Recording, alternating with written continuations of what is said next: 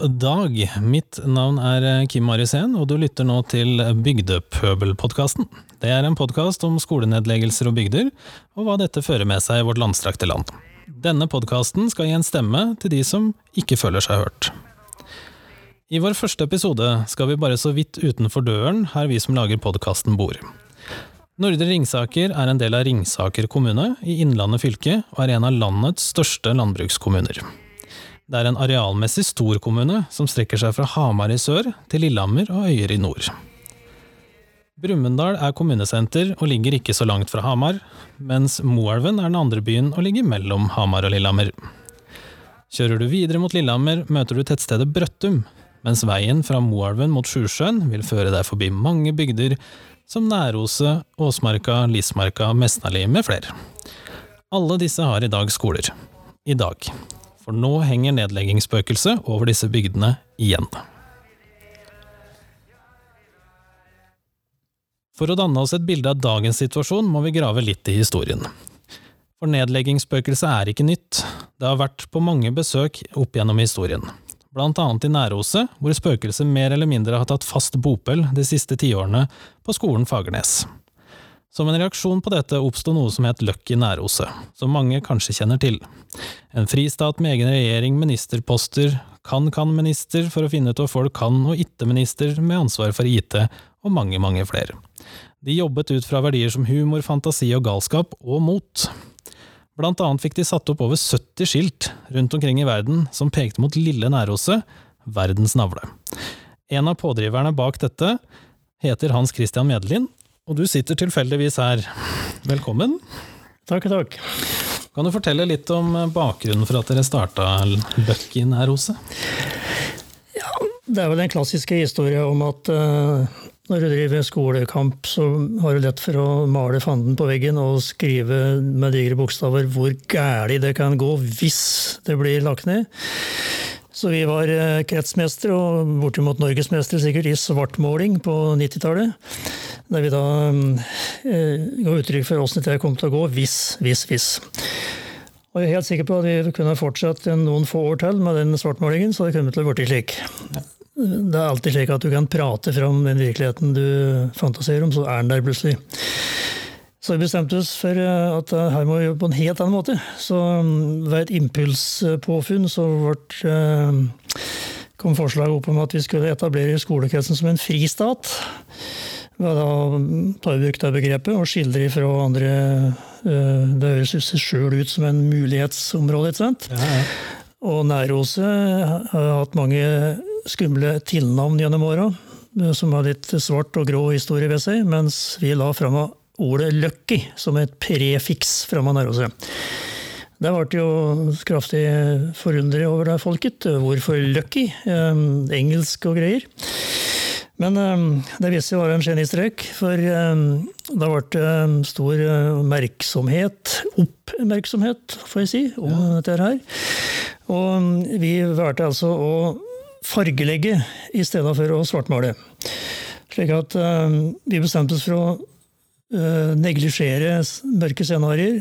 Uh, det kom det å slik hvis vi hadde fortsatt en stund til. Så vi valgte inn uh, virkemidler som vi kalte humor. Vi fant ut at det måtte være humor her. Fantasi måtte være kraftig til stede. Galskap var nødvendig for å få oppmerksomhet. Og mot for å tørre å bryte en haug med, med tradisjonelle tenkemåter. Og da, Det som skal til da, ytterligere den miksen, er at du har med en to-tre par tullinger og fem-seks halvtullinger. Eh, da har det kommet veldig langt. Ja, det hjelper. Og så um, definerte vi som fristat, som sagt, så da var det nødvendig å ha en regjering, du var inne på det, og med ulike ministerposter. Jeg ble så ikledd meg tittelen fantasiminister ganske tidlig. For det var det som var mitt eh, domene ifra før. Og, og vi fikk eh, tak i den ene etter den andre. Nå har vi bare noen minutter å prate i dag mot uh, tre timer som vi kunne fått fint greid å fylle her nå. Ja. Men vi valgte altså å sørge for at jo flere historier vi greide å fortelle, som skapte glede og engasjement, og positive tanker og optimisme, jo større var sannsynligheten, tenkte vi, på at de svarte nedleggingstanken ble fortrengt. Ja. Så vi hadde som oppgave å lage, lage historier. Du vet, historier blir til uansett om du vil noe eller ei, så blir det historier. Ja, ja. Og da bestemte vi at vi får styre de historiene. Vi får bestemme hvilke historier som skal fortelles. Og media var det første vi tenkte måtte ha på laget. Hvis vi fikk media til å fortelle dem gjennom ulike kanaler, så begynte du å kunne endre oppfatning av Nervose. For tross alt så var Nervose ukjent, for du skal ikke så langt utafor Moelven og bortpå Lillehammer så var det knapt nok hørt om det. sant? Nei, nei. Så det var viktig å bruke uh, alle de knepa vi kunne på å kalle det både reklamebegrepet sant? og for å få oppmerksomhet via valg av ord og visualisering. Ja. Hvordan fungerte dette her i praksis, da? Var det Jo, Ja, vi, da var det eh, slik at um, som initiativtaker, da, og så fikk jeg med umiddelbart en som var eh, overkvalifisert til å være statsminister. såpass? Så han, eh, Jan Arne besatte den posisjonen. Han var da eh, FAU-leder på skolen. Eh, det er jo en slappere betegnelse som ingen lar seg åpne øya av. Mens eh, statsminister i Narvesø, da, da får dere oppmerksomhet. Og han ble med som en fikk inn på laget, og så håndplukker vi en del andre som sagt, tullinger og halvtullinger på begge kjønn. Og definerte oss med ulike titler og ministerposter. Og hadde møter på seriøst vis der vi bearbeidet problemstillinger. Men mesteparten gikk på ren impuls og, og umiddelbar handling. Men har, har du et eksempel på en sånn type eh, historie dere lagde, da?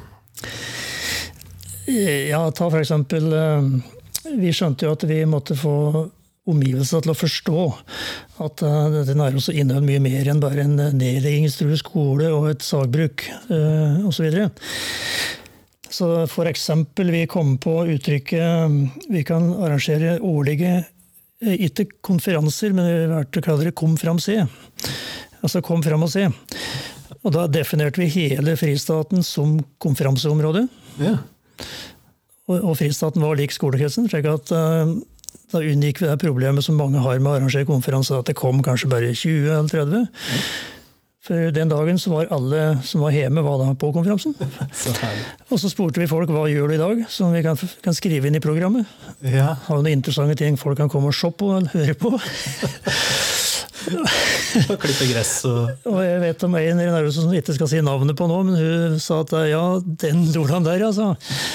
Eh, Da har vi vært på fest, vi. Dagen før. Og da tror jeg jeg skal, skal skrive i programmet at det kom klokka halv åtte.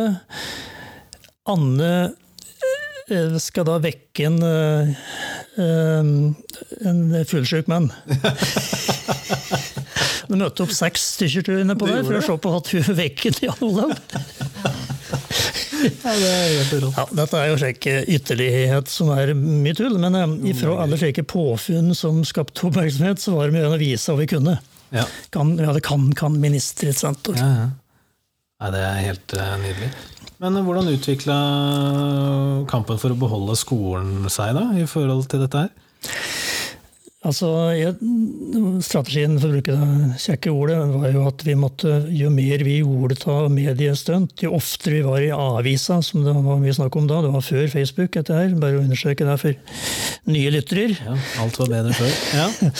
Og um, så var det mye å komme i ulike medier. Og da, og da skjønte vi fort at vi måtte tenke videre enn bare innenfor egne grenser. Så vi var ganske tidlig ute med å, få, å lansere idé om også få ta den historien med samme, og så øh, bygge en skole i Afrika, øh, i Sierra Leone. ja. Eh, I stedet for å få fokus på nedleggingstrue skole, så er det noen som tenkte ganske fort og skjønte det så klart, at det er mange som har mye verre løs, som mangler skole, mangler undervisning. Så hva om vi gjør det? Hva om vi får i gang en skole som skal hete Lucky School? Ja, det ble eh, valgt Sierra Leone, for da var det fattigste landet i verden på det tidspunktet. Og samarbeidet med Plan Norge, som tjente på ideen. Og vi samla inn eh, over 600 000 av lokale og nasjonale kroner fra virksomheter og bekjente. Og kunne i 2005, etter to års arbeid, bygge, åpne en skole i, i Mombala i Sierra Leone. Sammen med en lærerbolig og en bryn og, en, og et lite sykehjem etter hvert. Så det var, det var veldig, det mest kanskje lærerike vi gjorde. For da skjønte vi hvor heldige vi var. Vi skjønte hvor bra navnet Lucky var. Og vi eh, fikk andre til å tenke fokus på mer nedlegging, men eh, oppbygging, da. Dæven. Så dette tok seg opp med et par andre utvidede prosjekter året etterpå, med å bygge eh, brynner i Sierra Leone og sammen med 4H rundt i Norge etter hvert. Og, og andre aksjoner eh, gjennom, eh, på den fronten. Så det var, eh, det var ytterligheten til den andre lokale aksjonen som vi etablerte noen lokale næringsvirksomheter. Det skal sies vi var ganske flinke med at vi, vi fikk fort oppmerksomhet og ble etterspurt rundt i Norge på kan du komme og fortelle hva, hva dere gjør. Det høres inspirerende ut. Og da var det å reise rundt og ta seg godt betalt. Vi fikk godt betalt. som gikk inn i, Der en stor andel av kronen gikk inn i felleskasse. Andre del av penger gikk til de som var ute og gjorde jobben. Da. Mm. Og en virksomhet som vi hadde fått i gang. Til næringssiden, så vi kombinerte både næringsvirksomhet og frivillighet. Det var å tro at vi greide å holde mange på heltid i sving med dette her. Yes. Ja, det er imponerende. Altså De jobba på en måte med dette? Det ja, vi hadde en virksomhet som jeg var, med, var hovedeier i. da, ja. Som, eh, som het U8, som eh, fungerte 80-90% av tida brukte vi på Løkken Næroset-prosjekter. og Der vi hadde konferanser og arrangement i Næroset som vi fikk hundrevis av grupper i Norge som var på besøk. Vi hadde samarbeid med statlige etater, og det ble et lite senter for bygdeutvikling. Ja, jeg har jo vært her på sommerfest, blant annet. Ja. Kom jeg på her om dagen. Ja, det det. For eh, sikkert 12-13 eh, år siden, da. Men ja. Nei, det har foregått mye som har hatt nasjonal interesse, og det er jo gjennom de foredragene vi var ute og eh, holdt, så fikk vi jo selvfølgelig nok en gang feedback på hva profilering av Næros og styrke egen tro på at vi hadde noe å fare med. Og så da ble slik at Bygdehistoria vår ble en egen greie. Så folk glemte ganske fort at det var en nedleggingstruet skole det handlet om. Ja. Og da ble det helt en annen fokus. Ja. Det var ingen surving rundt omkring. Det var å lete etter interessante ting å gjøre for veldig mange. Og da må ikke glemme så jeg på siden nå, at det viktigste som har skjedd kanskje muligens i Nærøst gjennom alle år, er jo at de siste åra så har det eh, er kanskje fem-seks år siden det var ferdig nå, men eh, det har vært bygd en gang- og sykkelsti som heter Helseveien på dugnad flere kilometer på begge sider av sentrum. Mm. Samarbeid med Vegvesenet etter hvert. Det er jo en evigvarende, fantastisk verdi for Næroset, den bygdeveien. Det har smittet Låsmarka, vil jeg vel tro, at, at ja. det er litt inspirert derifra, som har bygd det samme. Så det var eh, og en lokal park, en stor park, Løkkeparken, eh, Trollparken, som blir vedvarende var inspirert til å starte boligfelt, som nå har et uh, potensial på 60-70 boenheter, som har solgt flere hus allerede, som lokal byggmester. Så det har hatt uh, både indirekte og direkte effekter uh, fordi vi valgte å se muligheter. Ja. Det er en klokkerein positiv bygdekamp, da? Ja, det ble liksom slik at bygdekampen endte i at vi at Gelmøyden Kise, som var det mest kjente selskapet i landet på profilering og, og utvikling av selskaper og virksomheter, påstod at ingen hadde sterkere merkenavn på Bygde-Norge enn Lucky Næråse i sin tid. Det er sterkt. Det er ganske sterkt, og det betyr jo at det er gjort noe riktig, at folk forbinder det med en verdiskaping, og ikke bare tull. Ja, definitivt. Ja, det er imponerende. Men Hva tenker du eh, om at det er på dagsorden nok en gang, dette eh, eller at spøkelset har eh, tittet fram igjen? da? Det er jo slik at det blir omtrent som Det er ingen overraskelse. Vi har jo sånn hatt den kameraten i senga i mange år nå. Så er han der enda, ja. Får ikke kasta han ut. Men det er nå et spørsmål om hvem som blir kastet ut av senga. da. Nå ligger jo nærmeste tynt an kanskje tynnere an enn noensinne. Og nå er det kun få uker til det skal avgjøres igjen, så det er nok spenning, mildt sagt. Men hva føler du som Du har jo vært i det gamet her lenge, og du har jo jobba Om du ikke har jobba direkte med skolesak, så har jo alt, eller mye av det du har gjort, har jo oppstått pga. en tidligere skolesak. Um, hva, hva, tenker du liksom, hva tenker du skjer hvis skolen forsvinner, f.eks., for eller hva? Nei, altså Jeg tenker jo det at uh, forsvinner skolen, så kommer det til å uh, alt, venne seg til alt. Mm. Altså det, det, det, blir aldri katastrofer og sammenbrudd uh, noe sted uh, i dette landet her. Så det er ingen fare med. Men det blir mye skuffelser, for, uh, og det blir mye praktiske ulemper og mye for enkelte. Og jeg syns spesielt uh, Selvfølgelig er det fokus på småbarnsforeldre nå. Jeg er jo midt i 60-åra og er slipper jo helt fri. Så det er jo, Jeg kan ikke uttale meg om hvordan det føles nå, men jeg vet at det vil bli en skuffelse. Og mest er skuffelsen skyldes den manglende respons Altså oppgittheten over manglende respons fra lokale politikere innen visse partier. Det tror jeg sitter igjen med som litt stusslig. Ja. Det går det an å være enig i. Men uh, Hans Christian, tusen hjertelig takk for at du tok deg tida, og takk for um, Det kan ikke kalles et dypdykk, for vi har på langt nær Vi har plaska i overflaten. Det var en uh, krafsing på overflaten. ja. Men da kan jeg si til de andre um, bygdene her, som heter Mesnavia, Lismarka, Åsmarka At noen kommer til å bli lucky ja. i noen få uker. Og de resten unlucky. Men det gjelder alle sammen likevel. Helt enig. Tusen hjertelig takk for at du kom, eh, Hans Christian. Bare artig.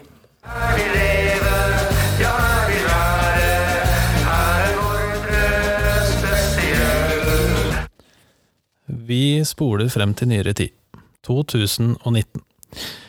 Fagernes blir foreslått nedlagt nok en gang. Denne gangen fordi leieavtalen på modulene ved skolen gikk ut, og rådmannen mente det beste da var å legge ned.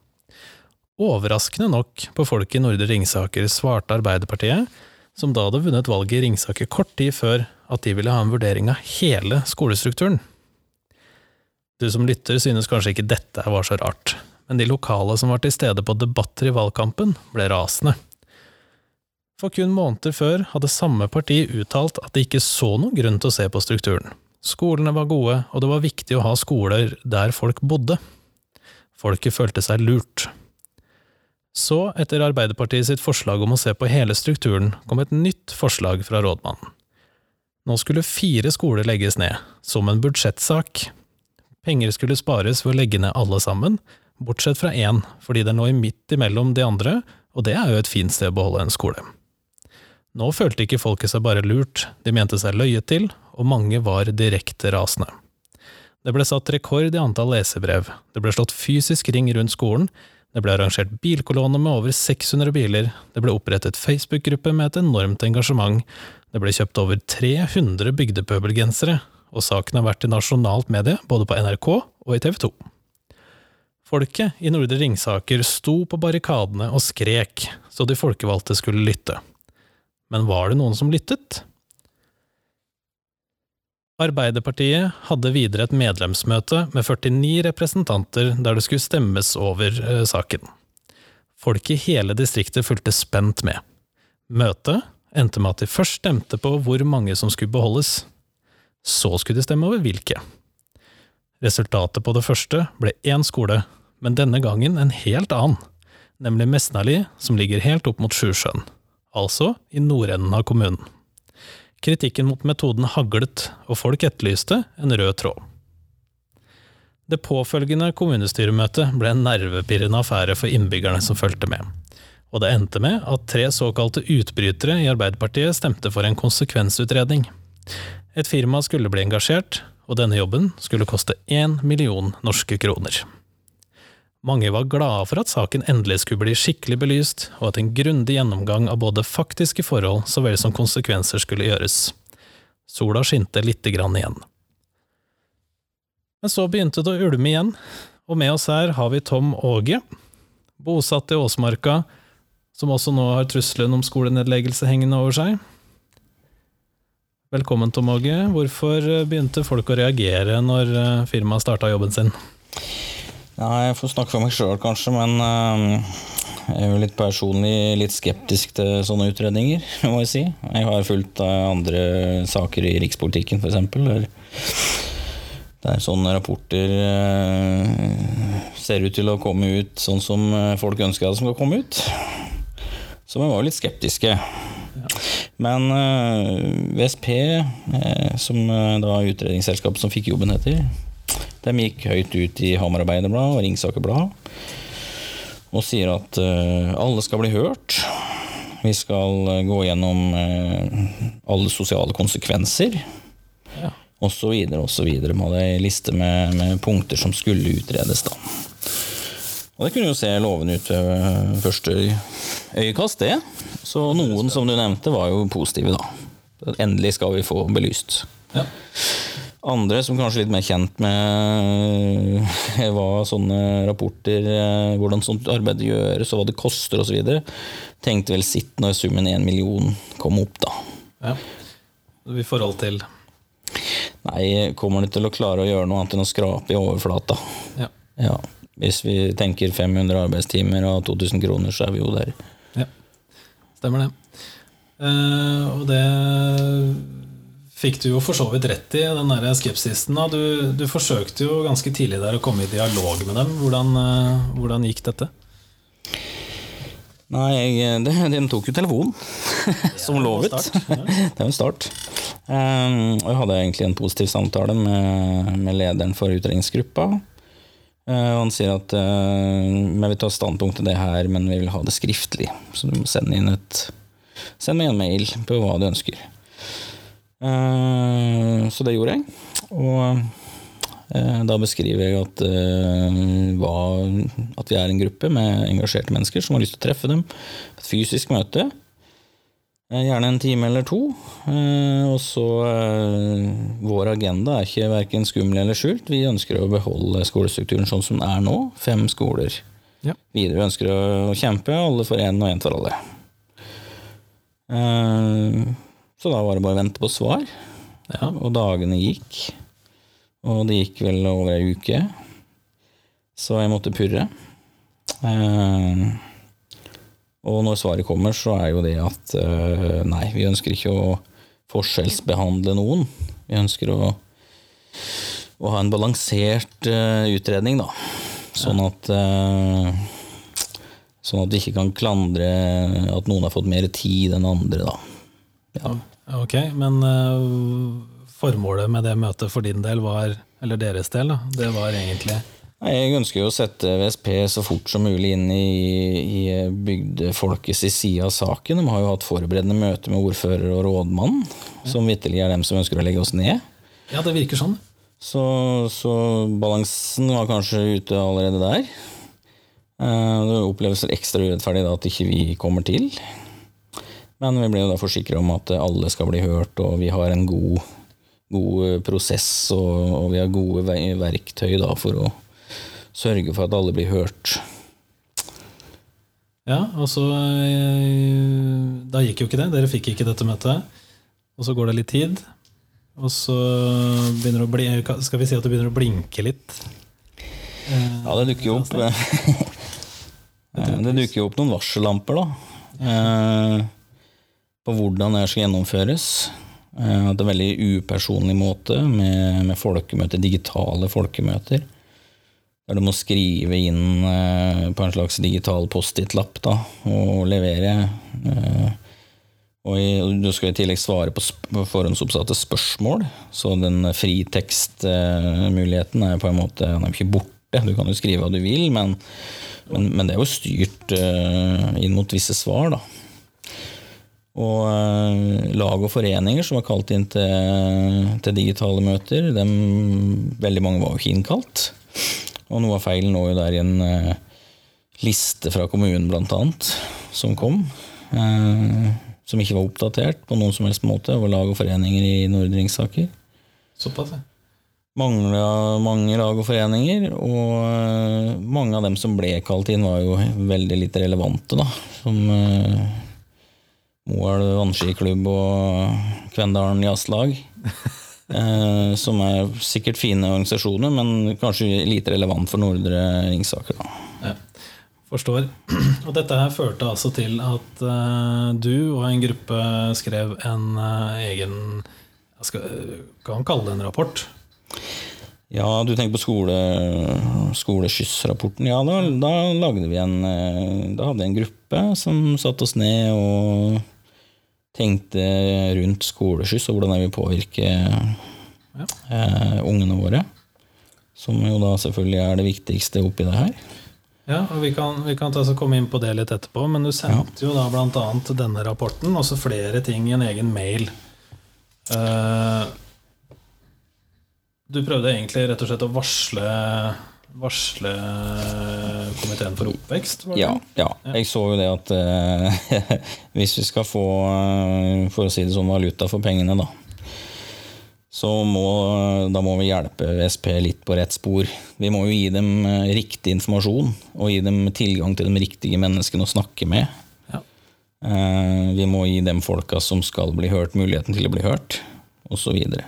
Og med en så stor investering så tenker jeg at da har oppdragsgiver eh, litt makt i forhold til å si at eh, hei, hei, nå må vi komme inn på sporet igjen her. Ja. Og når du tenker på riktig informasjon, hva er det du egentlig sikter til da? Det er konkrete tall, f.eks., som er eh, feil i rapporten. Som, som er grunnlagsmateriale fra kommunen. F.eks. vedlikeholdskostnader på de ulike skolene. Der er det jo direkte feil i millionklassen. Ja. Uh, ja. Nei, det er flere eksempler. Ja, jeg skjønner. Um, ja, da sendte du den inn, ja. Og uh, hva ble Eller hvordan, da? Ble den mottatt? Den jeg, jeg, begynte å bli litt desperat, må jeg innrømme. Det var seks dager til, uh, til høringen av lag og foreninger skulle være. Og det var helg imellom, og eh, de hadde ikke enda blitt invitert. Ja. Eh, alle, da Anslagsvis en tredel var invitert. Ja, altså Bare for ordens skyld, for å oppklare det for alle de som lytter, da, da snakker vi om vi har egne, eller Det er egne bygder her i Nordre Ringsaker, bl.a. Uh, Lismark og Åsmarka. Disse er vi har nevnt før i episoden. Uh, Lismarka skilag, som f.eks. er et av de største skilagene i ja, i Ringsaker eh, var f.eks. ikke invitert, vel. Mm. Så det er, det er, jo type sånne grove mangler som dere reagerer på da, når Moelven vannskiklubb eh, skal uttale seg? Ja, det er jo selvfølgelig det. Eh, da er det på en måte Du føler at du er på et ekspresstog. Det går i full fart. Og hvis du ikke er med akkurat når det møtet går, så, så mister du din, din, sjanse. Sånn føles det jo. Ja. En sånn prosess som skal gå så fort. da. Jeg forstår. Og det var jo et slags mantra her eh, da, at vi må gi dem arbeidsro. Og det er jo enig i kan du si, en analysefase. Men i den fasen der du driver og henter inn informasjon, så, så, tenker jeg at arbeidsro er vel det siste du bør ha. Du bør ha øyne og ører åpne og få med deg det som skjer rundt omkring der, som, som folk ønsker å gi som innspill. Da. Ja, skjønner. Det er vanskelig å være uenig i det. Ehm, hva skjedde med dette her varselet, da? Sånn helt konkret? Nei, Jeg eh, sendte jo det her til eh, alle faste medlemmer i eh, utvalg for oppvekst. Jeg opplevde ikke at det var noe point of contact i kommunen. Nå var det riktignok det, som ikke jeg hadde fanga opp, men men da sendte jeg en mail seint en kveld, og i utvalg for oppvekst så var det én politiker som tok ballen. Lene Eikeland fra Porsgrunnspartiet. Og hun sendte mailen videre til eh, VSP, utredningsselskapet, og sa hei, kan dere se på det her? Her får vi noen bekymringer fra en lokal fyr. Ja. Da kom det reaksjoner fra andre medlemmer da, i Utvalg for oppvekst om at det her var utidig å debattere saken.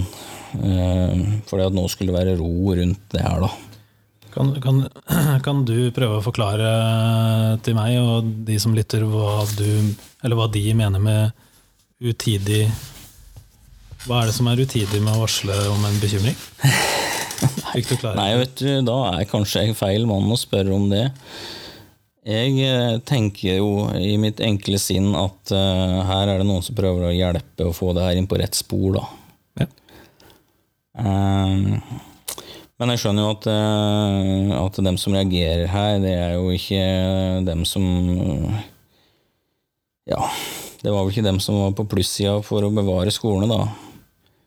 Og hvorvidt de har en egen agenda, det, det veit ikke jeg, men, eh, men, jeg skulle jo tro at alle politikere tverrfaglig, nei, unnskyld, tverrpolitisk kunne liksom enes om at i hvert fall kvaliteten på rapporten måtte være bra, sånn at input-informasjonen var bra.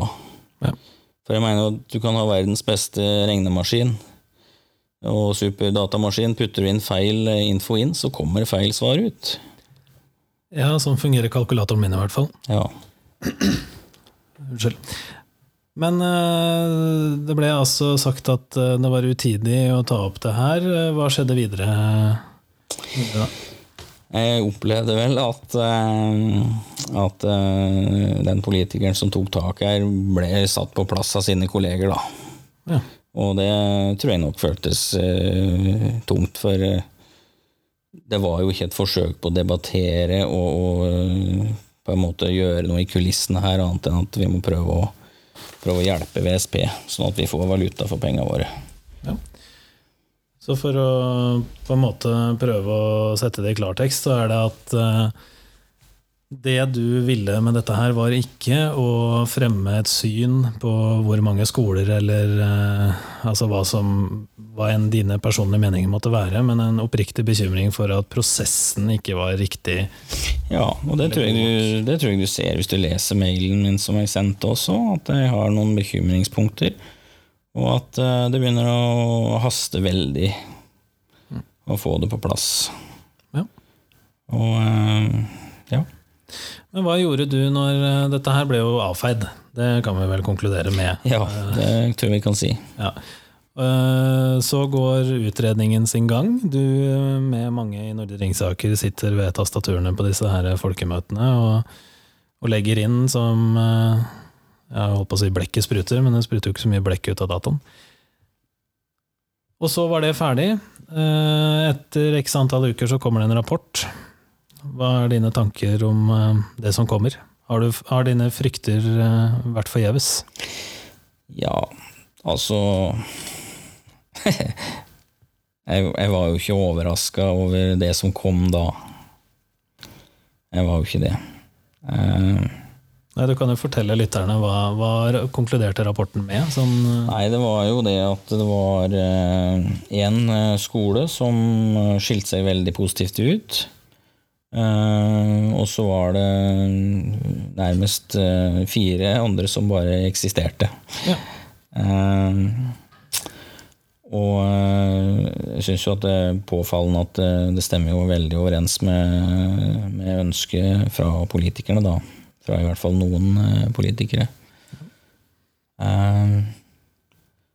og da at vi sitter med følelsen at vi verken fikk sagt det, det vi hadde på hjertet, eller at det kommer til uttrykk i rapporten.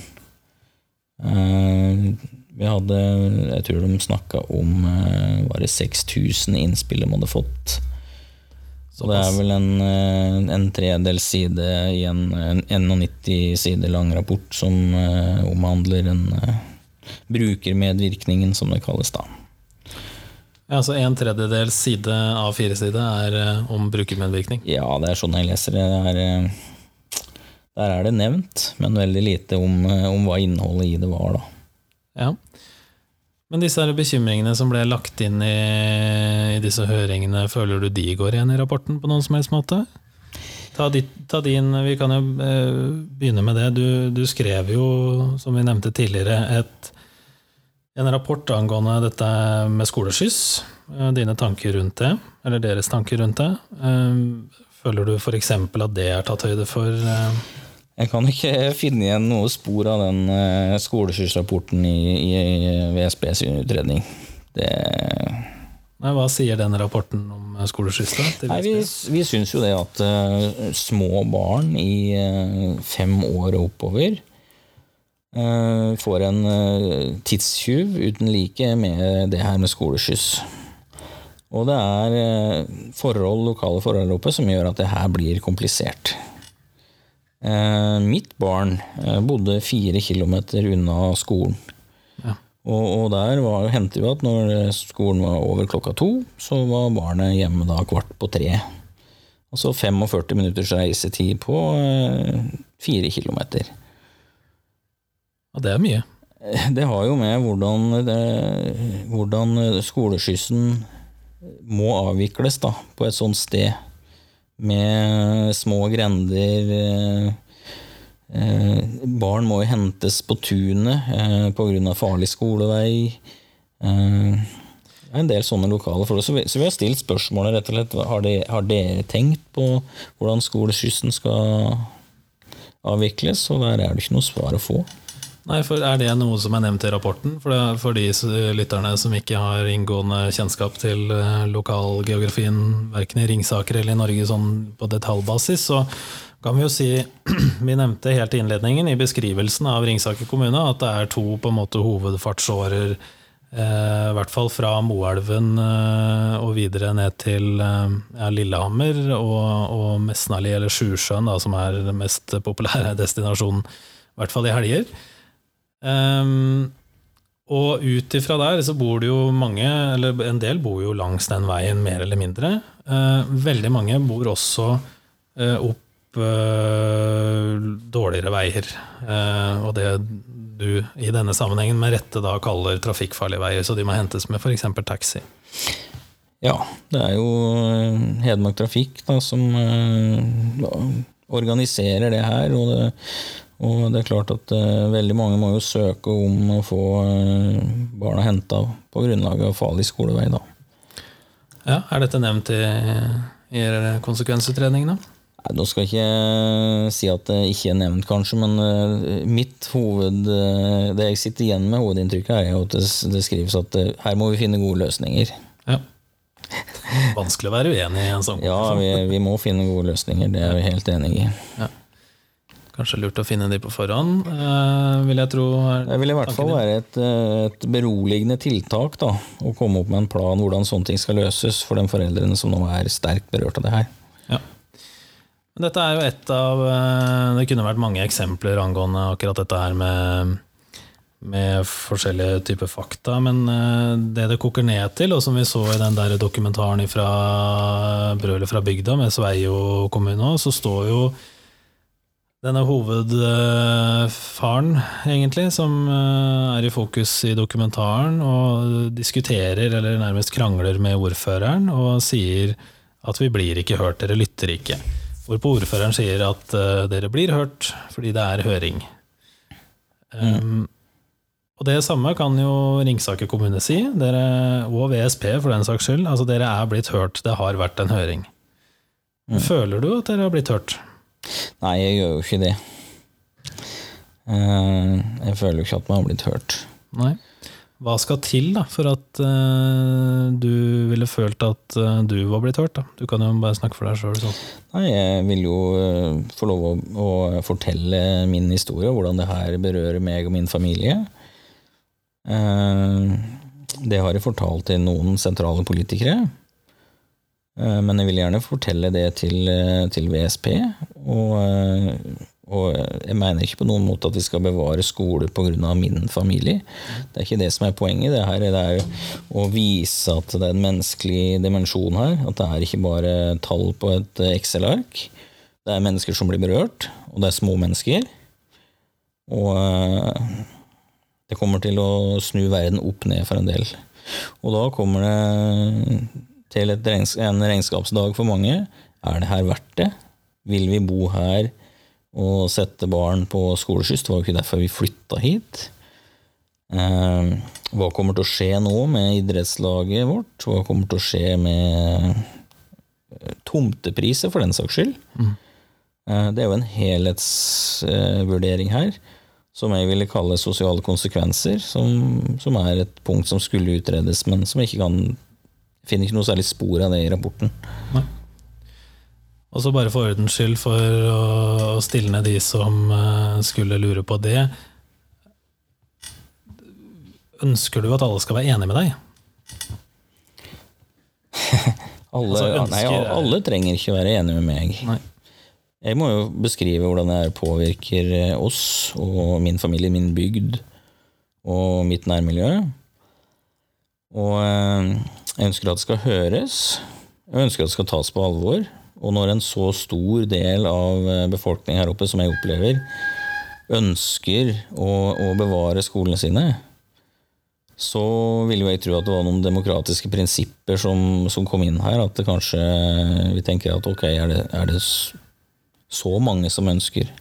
For det er ikke snakk om en justering i, i innovasjonsavgiften eller, eller noe sånt her. Det, det er en veldig inngripende eh, sak i livet til veldig mange mennesker.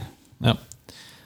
Og det du egentlig sier da, det er jo at eh, form, altså når du sier at vi blir ikke hørt, så er det jo mange som, ja, sånn som vi snakka om i stad, at kommunene kan si at jo, dere har blitt hørt fordi at dere har fått lov til å skrive noe.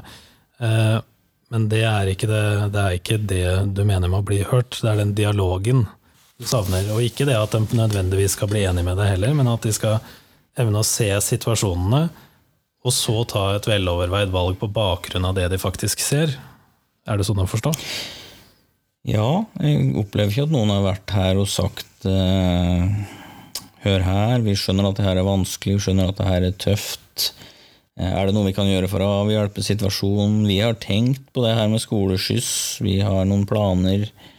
Eh, Er det noe kompenserende tiltak? Eh, En dialog er vel det at du, du snakker begge veier, da. At du kan få svar innenfor relativt kort tid. og og Facebook er jo kanskje ikke det rette mediet å drive politikk på, men det er det plattformen vi har hatt, Ja. egentlig. Den måten vi har hatt kontakt med noen politikere, da. Veldig stille for andre. Ja, er der dere har fått svar, rett og slett. Ja. Eller, ja. Det vi har fått av svar, har vi vel fått for det meste på Facebook, ja. ja. Når du tenker på øh, ting som øh, infrastruktur, øh, bilkjøring, hvor folk jobber kontra hvor folk kommer til å ønske av ungene sine, altså eh, Det er ganske mange sånne hensyn å ta her i forhold til Og det krever jo en nøye konsekvensutredning i forhold til hvor er det plass, hvor er det vi kan tilby, hva, hvordan kan vi få den eventuelt nye realiteten til å fungere. Um, når du opplever at alle disse her spørsmålene står ubesvart, hva tenker du da om at det stadig kommer nye forslag om hvilke skoler som skal bestå? Vi har jo senest fått et i, i dag, onsdag, om at det plutselig er to skoler som skal bestå. Ja, nei, hva jeg tenker om det Nei, det, jeg har ikke, noe, har ikke noe fornuftig svar på det, egentlig. Jeg har ikke det. Nei. Det er svar godt nok, det er ofte. Rapporten er i hvert fall ute, og nå skal det være høringsrunde. Men hva, hva er liksom hovedkonklusjonen din på denne rapporten, da, Tom Åge? Eh, Det heter seg at eh, gode råd er dyre, eh, men jaggu kan dårlige råd være dyre, dem også. Så sterkt kan det sies. Tusen hjertelig takk for at du var med oss, Tom Åge.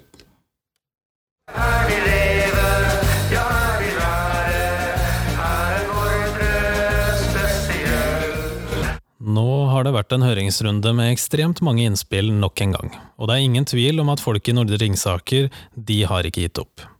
De forsøker fortsatt å nå igjennom med at politikerne har en plikt til å sette seg inn i den reelle situasjonen, forstå hvordan geografi og reisemønstre knyttet til jobb er, se om de foreslåtte løsningene faktisk er reelt mulige, sjekk om det virkelig spares noe, er dette med skoleskyss faktisk mulig, vil det fortsatt virkelig være like mye aktivitet i bygdene om barnefamilier flytter ut, er barnets beste ivaretatt, og så mye, mye, mye mer. Vi vil komme tilbake til hvordan det går i Ringsaker kommune ved en senere anledning, og inntil da så sier vi takk for i dag.